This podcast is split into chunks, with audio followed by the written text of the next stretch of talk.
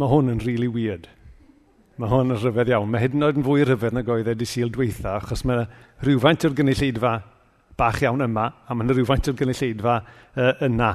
Ond mae'n hyfryd cael croesawu pawb. Dyn ni'n dod i gwmni'n gilydd mewn rhyw ffordd wahanol, ond yn bwysicach na dim byd, dyn ni'n dod i, i bresenoldeb diw. A wrth feddwl am y neges dwi am rannu uh, bore yma, mae'n rhyfedd weithiau yn dydy, um, mae Dyw weithiau yn yn harwain ni falle i'r un lle yn y Beibl neu o leia i neges tebyg. A mae hynna'n amlwg achos bod ni chydig bach yn araf weithiau a dyn ni angen cael yn atgoffa o bethau. A mae'n od iawn, dwi'n meddwl nôl yn ystod mis gorffennaf, mi ddwyses i uh, bregethu ar yr adnodau hyn allan o effesiaid penod 2. Effesiau 2. A nawr, wrth ddilyn y drefn mae'r rhys wedi gosod uh, ar gyfer y negeseuon, dwi'n ffindio'n hun yn yr un lle. So mae Dyw yn trio deud rhywbeth wrth rhywun, mae'n eisiau deud rhywbeth wrtha i, a falle bod eisiau deud rhywbeth wrtha chi sy'n gwrando boed hwnna adre neu yn yr oedfa. Nawr wrth gwrs, fel mae rhys yn pwysleisio bob tro, mae'n bwysig cofio hyn pan dyn ni'n darllen y Beibl – mae rhaid ni bob amser feddwl be oedd pwrpas gwreiddiol y geiriau, achos oedd y bwrpas gwreiddiol iddyn nhw. A wedyn ni, meddwl am be mae'n golygu i ni heddiw. Nawr, yn y llythyr hwn, y llythyr at yr effesied, oedd e'n llythyr yn cael ei sgwennu gan yr apostol Paul i grew o bobl oedd yn byw yn Ephesus. Mae Ephesus yn Twrci, fydde, fel fydden ni'n ei abod e nawr. Oedd y bobl yma wedi dod i gredu, ond maen nhw nawr yn dechrau teimlo dan bwysau a maen nhw dan bwysau o ddau gyfeiriad gwahanol. Maen nhw dan bwysau o'r tu allan i'r eglwys gan y gymuned iddewig, oedd yr iddewon i gyd, ie, ond dych chi fod yn iddewon, dych chi'n gweld, dych chi fod i ymddwyn fel hyn. A mi oedden nhw dan bwysau hefyd, achos fel dyn ni'n gweld trwy'r testament newydd cyfan, oedd yr awdurdodau ddim yn cyn pwy oedd y bobl od yma oedd yn pregethu'r peth rhyfedd yma, oedd neb rioed di clywed o'r blaen. A mi roedden nhw'n eu dychryn nhw ac yn gwasgu arnyn nhw fel eglwys. Felly dyna oedd ei sefyllfa nhw oedden nhw'n teimlo dan bwysau. So be di'r neges i ni heddiw? Be di'n sefyllfa ni? Oes na bethau yn pwyso arno ni? Wel, mae'r byd yn ddigon ansicr, mae hynny'n bendant. Does dim angen ymelaethu ar hynny. Ac ar y degau anodd, dyn ni'n disgyn nôl ar bethau, yn dydyn?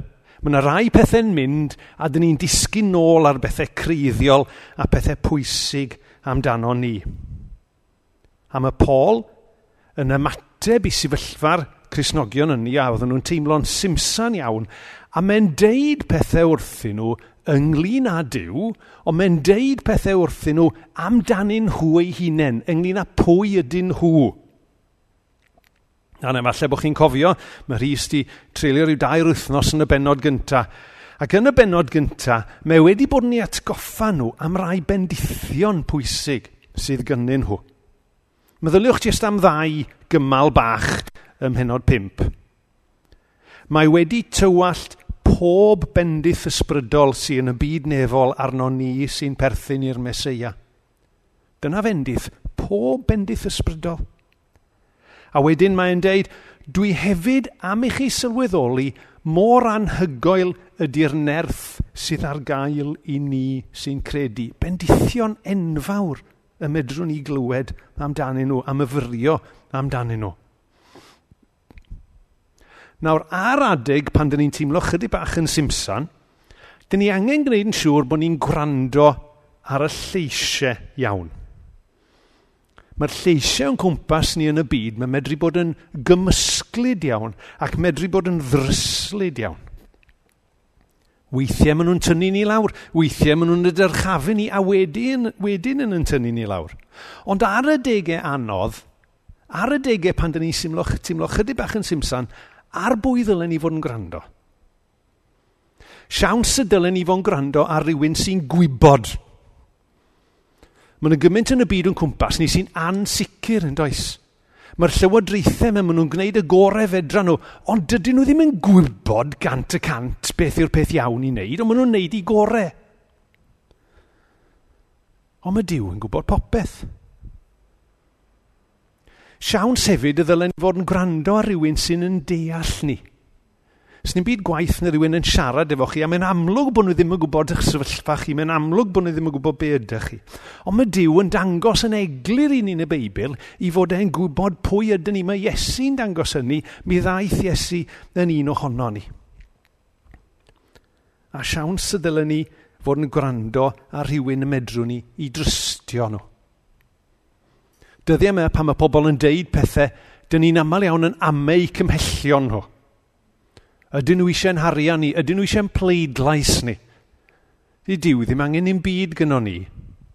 Mae diw yn iawn. Os dim rhaid ni ame ei gymhellio ni, mae e eisiau y gorau ar ein cyfer ni. Felly, yng nghanol unrhyw ansicrwydd neu bryder heddiw, diw sy'n deud y gwir wrthon ni. Dwi e ddim bob amser yn hawdd i wrando, ond mae'n deud y gwir wrthon ni ac mae'n deud hynny mewn cariad. So dewch i ni wrando gyda'n gilydd bore yma ar beth mae Dyw yn deud wrthon ni yn ei air. Oedd yr hyn oedd e'n deud wrth y Cresnogion yna'n Ephesus yn wir, ond mae'n wir hefyd amdano ni sydd wedi rhoi ein bywydau iddo fe hefyd. Mae'n neges i ni. A'r peth cyntaf mae'n gwneud yw, mae'n deud wrthyn nhw am byd o pwyso gormod ar pwy oedden nhw o'r blaen cyn iddyn nhw ddod i gredu. Dim bod nhw fod i anghofio, ddim bod nhw fod i wadu sut oedden nhw cyn dod at Iesu, ond iddyn nhw beidio byw yn styc yn y gorffennol hynny. A mae hynny'n neges i ni hefyd. Pwy oedden nhw felly cyn iddyn nhw ddod at Iesu? Pwy oedden ni cyn i ni ddod at Iesu? A dwi am ddelio hyn yn sydyn iawn, ond mae'n ddarlun clir iawn. Dwi e ddim yr idrwydd yn ddarlun braf, ond nid job rhywun sy'n sefyll yn y tu blaen fan hyn yn agor gair Dyw wedi cuddio pethau anodd sy'n y Beibl, dyn ni fod i'w coeddi nhw a'i deud nhw. Ond dewch i ni feddwl am dri peth oedd Paul yn deud yn sydyn iawn am y Cresnogion yma cyn iddyn nhw ddod i gredu a felly amdano ni. Oedd e'n deud, mae'n disgrifio nhw fel rhai oedd wedi marw.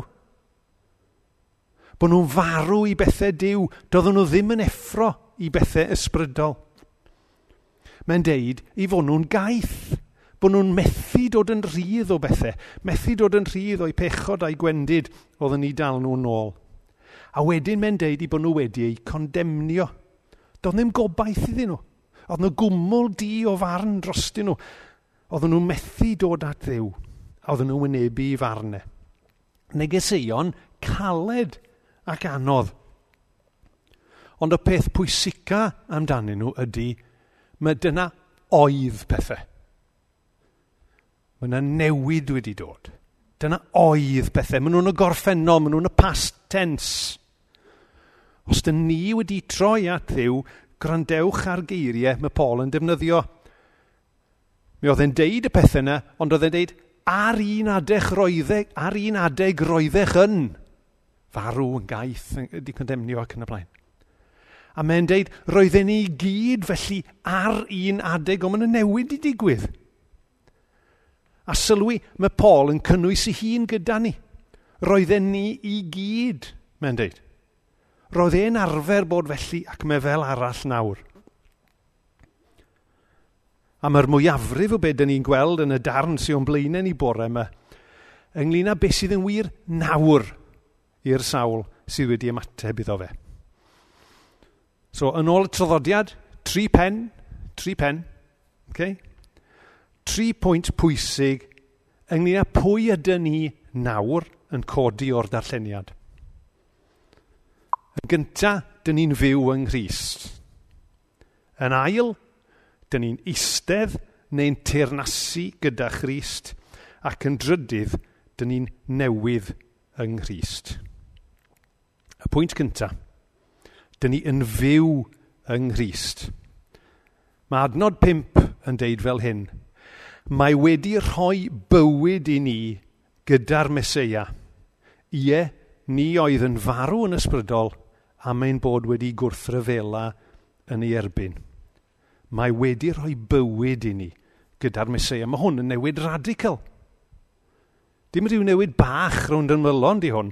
Y newid nath Iesu Grist i hun i ddisgrifio fe fel peth cwbl newydd pan ddedodd e rhaid i chi gael eich geni oddi uchod neu eich geni drychefn born again fel di'r dywediad Saesneg sy'n aml yn cael ei gamddefnyddio y dyddiau yma. Felly mae be mae Iesu yn gwneud y mywyd rhywun yn newid hollol radical. Dwi'n mynd gwybod um, byddi'ch hoff raglenni teledu chi. Dyn ni gyd uh, yn binjo ar raglenni teledu dyddiau yma, yn dydyn rhyw gyfresu ac yn y blaen. Ond rhai o'r raglenni poblogaidd ar y teledu ydy rhaglenni makeovers yma yng nghartref rhywun. Chi'n gwybod? A maen nhw'n dod i fewn yn dydy na. o, maen nhw'n lan, maen nhw'n wastod mes yn does, maen nhw'n wastod mes yna. A, o, oh, mae'r tî'n dywyll ac yn y blaen, a mae bob math o bethau'n rong. A wedyn, maen nhw'n cael y tîm i fewn, a mae'r bobl sy'n byw yn mynd o na am yr wsnos, a maen nhw'n dod nôl, a waw! Ond wrth gwrs, mewn cyn lleied o amser a hynny, cyfan maen nhw wedi gwneud mewn gwirionedd ydy chydig o MDF, cot o baint, falle rhyw ddrych mawr ar y wal i wneud ystafell edrych yn fwy, y decor di newid, chydig o cushions newydd o gwmpas lle, chydig o throws ac yn y blaen a maen nhw'n edrych yn lyflu, a na, chwer y teg, mae'n ma, ma ddigon difyr yn dydy. Ond newid ar y wyneb ydy hwnna, ynddo fe. Does neb yn neud newid structural mewn wythnos. Ond mae'r newid mae Iesu yn gwneud y mywyd rhywun sydd yn troi ato fe yn newid structural. Mae'n mynd at wraidd pethau. Mae'n mynd at wraidd pethau a mae'n parhau hynny trwy yn hoes ni, achos dyn ni ddim yn finish product. Mae unrhyw un sy'n edrych arna chi a fi yn dweud, nid nhw di'r finish product, a dyn ni'n gwybod hynny'n iawn. Ond y pwynt yw, mae nid rhyw ffidlan y gwmpas yn yr ymylon mae Iesu'n gwneud yn ein bywydau ni a mae'r gwahaniaeth y mae'n gwneud yn eich bywyd chi ac yn y mywyd i fel cymharu rhywun sydd wedi bod yn farw ac maen nhw'n nawr yn fyw. Pan mae Dyw ar waith yn ein bywyd ni, dyn ni'n fyw iddo e. Am mae pethau oedd yn ddiflas i ni o'r blaen yn sydyn reit yn fyw i ni. Mae yna emyn enwog gan William Williams Pantycelyn ac mae'n deud y geiriau hyn Ble renynodd fy nymuniad? Ble cadd fy serchiadau dan? Ble daeth hiraeth i ma'n bethau fi yn ei casau o'r blaen? Iesu, Iesu, cwbl ydyw gwaith dalaw. Be mae Williams Pantycelyn yn neud fan hyn yw mae'n edrych ar ei fywyd ei hun ac mae'n syni hun ac mae'n dweud, hold on, oedd y pethau yma yn arfer golygu dim byd i fi. Ond nawr dwi'n ei gweld nhw'n werthfawr, achos y gwaith mae Dyw wedi wneud yn y mywyd i. Mae geiriau gan ddiw, gei, gwirionedd am ddiw yn gysur ac yn fendith i fi. Mae canu amdano fe boed yn uchel neu yn y galon yn cnesu'n nghalon ni. Mae treulio amser mewn gweddi yn gysur ac yn help. A doedd hwnna ddim yn wir o'r blaen. Wel, pam? A'r ateb yw, achos ein bod ni bellach yn fyw yng Nghyst. Felly dyna'r pwynt cyntaf. Dyn ni'n fyw yng Nghyst. Dyna pwy ydyn ni. Dyn ni'n bobl sydd yn fyw yng Nghyst. Yr ail bwynt ydy yn bod ni'n eistedd neu'n teirnasu gyda Christ. Mae adnod chwech yn darllen fel hyn. Cododd diw ni yn ôl yn fyw gyda'r Meseia Iesu a'n gosod i deyrnasu gydag e yn y byd nefol. A mae'r darlun yma yn dod â ni i ryw ddarlun brenhinol iawn, yn dydy. Mae'n sôn am deyrnasu.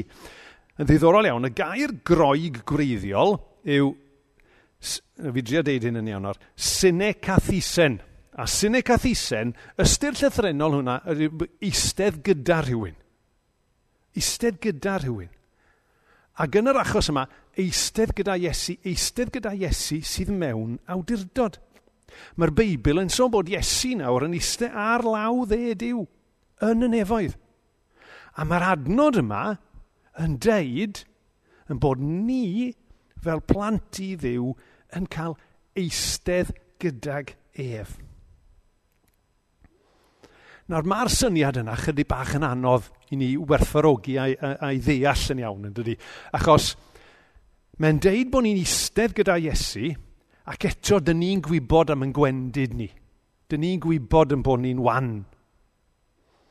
A'r esboniad gorau i mi ddarllen wrth baratoi ar gyfer hwn, oedd yr esboniad yma, um, mae'n siŵr bod chi, wel, mae ma fi'n deud, mae rhan fwyaf ohono ni erbyn hyn di bod ar y wyren. O'n i'n edrych ar y web o'r yma, mae tua tri chwarter o'n ni wedi bod ar y wyren ar rhyw dro. A os ydych chi'n mynd ar y wyren, ydych chi'n edrych ymlaen, neu falle ddim yn edrych ymlaen, i'r cyhoeddiad yna gan y peilot. Chyma, croeso i fflait so on so, dyn ni'n fflio o fan hyn i fan acw, dyn ni'n fflio ar hyn a hyn o gannoedd y filltiroedd yr awr, a dyn ni ar 30,000 o droedfeddi o uchder. Meddyliwch am hwnna. Dych chi yn yr awyren, Dych chi ar 30,000 o filltir o, o, o droedfeddi yn yr awyr. Dyn ni ddim di cyrraedd yna'n hunain, negdan. Cyfan dyn ni wedi wneud ydy cerdded mewn i'r awyren, ymddiried yn hunain yng ngofal y peilot, yng ngofal y criw, a mae'r awyren di mynd â ni yna. Wel i fi, mae hwnna'n ddarlun arbennig o sut dyn ni'n cael eistedd gyda Dyw. Dyn ni ddim di gweithio'n galed i fynd yna'n hunain. Dyn ni di ymddiried yn y peilot, dyn ni di ymddiried ynddo fe, a me di mynd â ni. Dyn ni'n cael eistedd neu dirnasu gyda Christ am yn bod ni gyda gef. A mewn wirionedd real. Dyn ni'n eistedd mewn lle gwahanol, dyn ni'n rhan o deyrnas gwahanol. Ond nid jyst yn rhan o'r deyrnas, ond dyn ni'n eistedd gyda Iesu. A mae hynny'n fraint rhyfeddol bod rhywun fel fi, rhywun fel chi, yn cael y fraint yn ei mynd anhygol. A rhan o'r cyffro, yr excitement o fywyd fel Cristion, ydy gweithio allan be mae hwnna'n feddwl. A dysgu i fyw fel rhai sydd yn eistedd neu'n teirnasu gyda Iesu. Y trydydd pwynt yw yn bod ni'n newydd yng Nghyst. Mae adnod deg, sef digwydd bod yr adnod nes i bregethu yn y fe nôl yn mis gorffennaf, dwi'n meddwl, yn deud hyn. Dyw sydd wedi'n gwneud ni beth ydyn ni.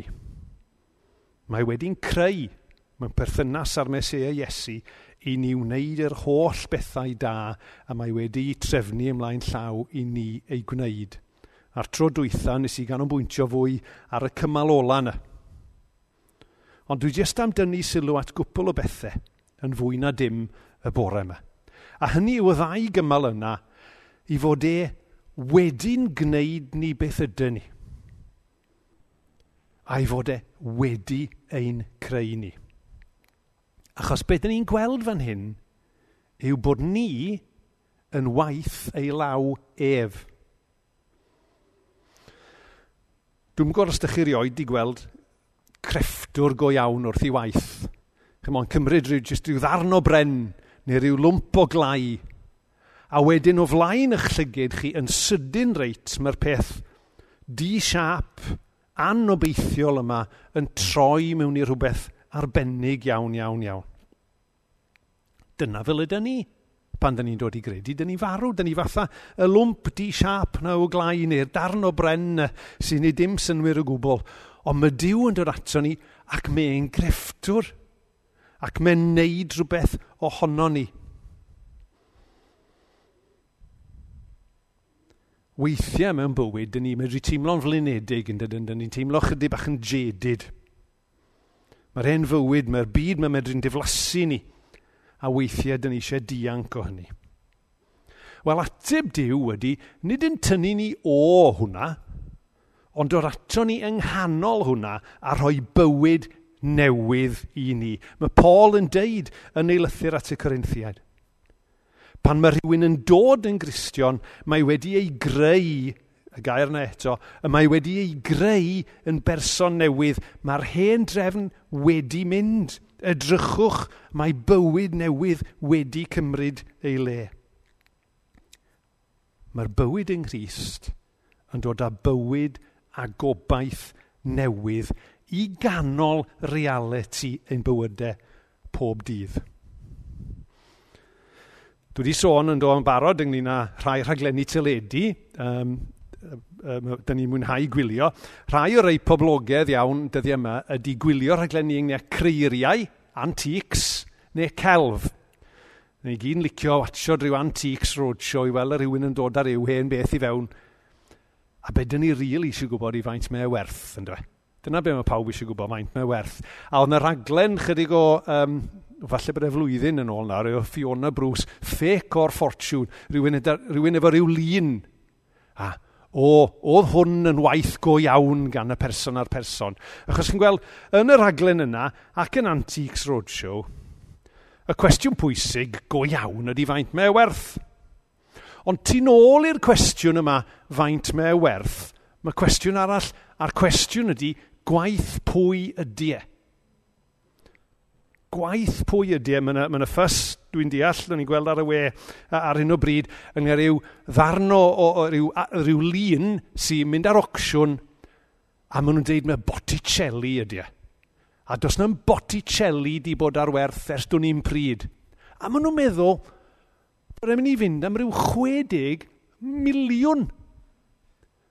Nawr, dwi wedi edrych ar mewn lun del iawn. Ond beth sy'n rhoi gwerth yno fe, ydy pwy sydd wedi wneud e. A beth sy'n rhoi gwerth yno ni, ydy pwy sydd wedi wneud ni, neu pwy sydd wedi'n creu ni. Os ydyn ni yng Nghyst y bore yma, os ydyn ni wedi derbyn Iesu, mae gair diw yn deud mae gwaith diw ydyn ni. Gwaith ei law e. Weithiau, dyn ni'n mynd teimlo'n rhyw gampwaith, nag dyn. Ond y gwir yw yn bod ni – yn waith diw. Os ydyn ni eisiau gwybod faint dyn ni werth, dewch ni wrando ar yr un mae Dyw yn deud, a dewch ni edrych ar y groes. A dyn ni'n gweld ac yn clywed yn glir iawn be di'r gwerth mae e eisiau rhoi i ni. Yng nghanol dryswch a pwysau y byd o'n cwmpas ni, pan dyn ni ddim yn siŵr iawn pwy a beth ydy ni, ar bwyd yn ni'n gwrando, ar bwyd yn ni'n mynd i wrando y bore yma. Wrth i ni feddwl am hynny, am yfyrio ar hynny yn ystod y gan ola, dewch i ni gofio o flaen Dyw, os mae Dyw yn deud, felly mae hi. Os dyn ni eisiau gwybod sut mae hi, dewch i ni wrando ar yr hyn mae Dyw yn deud, fel mae geiriau'r gan ola yn deud, fe leferaist, ac mi wn, mae felly Mai. Be mae Dyw yn deud wrth bob un ohono ni bore yma? Bob un ohonon ni sydd wedi troi ato fe, a bob un ohonon ni sy'n meddwl ynglyn â troi ato fe. Be mae'n deud ydy, unwaith dyn ni'n dod ato fe, dyn ni yn fyw yng Nghyst. Dyn ni'n eistedd neu'n teirnasu gydag e, a dyn ni'n newydd yng Nghyst. Dewch i ni gael byr o weddi cyn y gan. Diolch i ti arglwydd uh, dyfoti yn ddiw sydd yn siarad. Diolch i ti arglwydd dyfoti yn ddiw sydd yn ynabod ni. A rwy ti arglwydd yn gwybod yn union be mae pob un ohono ni angen clywed y bore yma. Gadyn ni glywed eiriau di arglwydd. Gadyn ni wrando ar yr hyn sydd gen ti i'w ddweud a helpa ni arglwydd i ymateb i'r neges hynny drwy dy ras. Amen. Iawn, diolch fawr iawn Arwel. So, um, diolch am y neges uh, pwerus yna, bore yma. Ac um, pan fyddwn ni gyd yn gwylio uh, Antiques Roadshow heno, gan fod dim oedfa nos gyda ni ar hyn o bryd, um, fyddwn ni gobeithio yn cofio pwy sydd wedi'n creu ni a pwy sydd wedi cyfru ni mor werthfawr bod e wedi rhoi i fywyd i ni gael byw.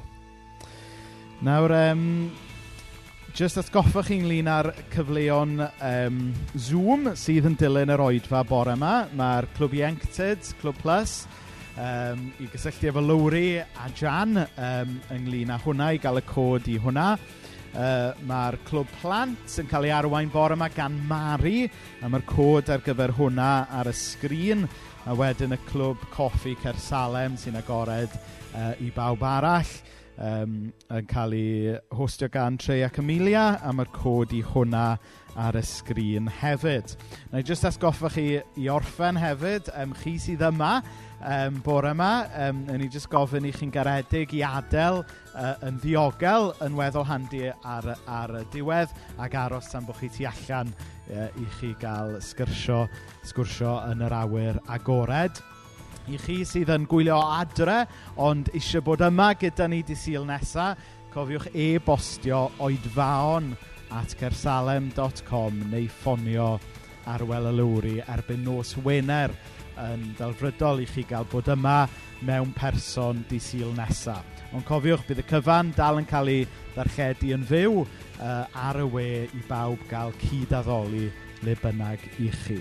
Ond newn ni jyst gorffen bore yma drwy gyd-adrodd gweddu yr arglwydd gyda'n gilydd. Gras ein harglwydd Iesu Grist a chariad Dyw a chymdeithas yr ysbryd glân a fyddo gyda ni och o'r awr hon ac hyd byth. Amen.